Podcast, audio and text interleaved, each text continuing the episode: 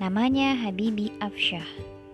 Tubuhnya yang lumpuh yang hanya bisa menggerakkan satu jarinya saja, tidak menjadikan dirinya berputus asa untuk mandiri. Habibi adalah salah satu pebisnis tanah air yang sudah memperoleh penghasilan ratusan juta rupiah per bulan dari internet.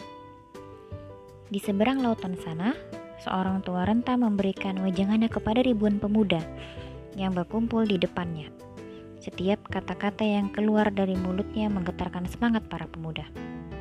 Tubuhnya yang keriput dan lumpuh, serta panca inderanya yang hampir semuanya lumpuh karena siksaan tentara Israel tidak membuat semangat untuk menyemangati para mujahid Palestina kendur. Ya, dia adalah Asyahid Syekh Ahmad Yasin, pendiri gerakan Hamas Palestina.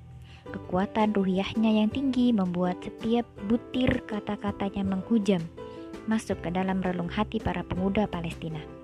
Sampai akhirnya tubuh yang renta itu hancur dihantam roket Israel laknatullah alaihi.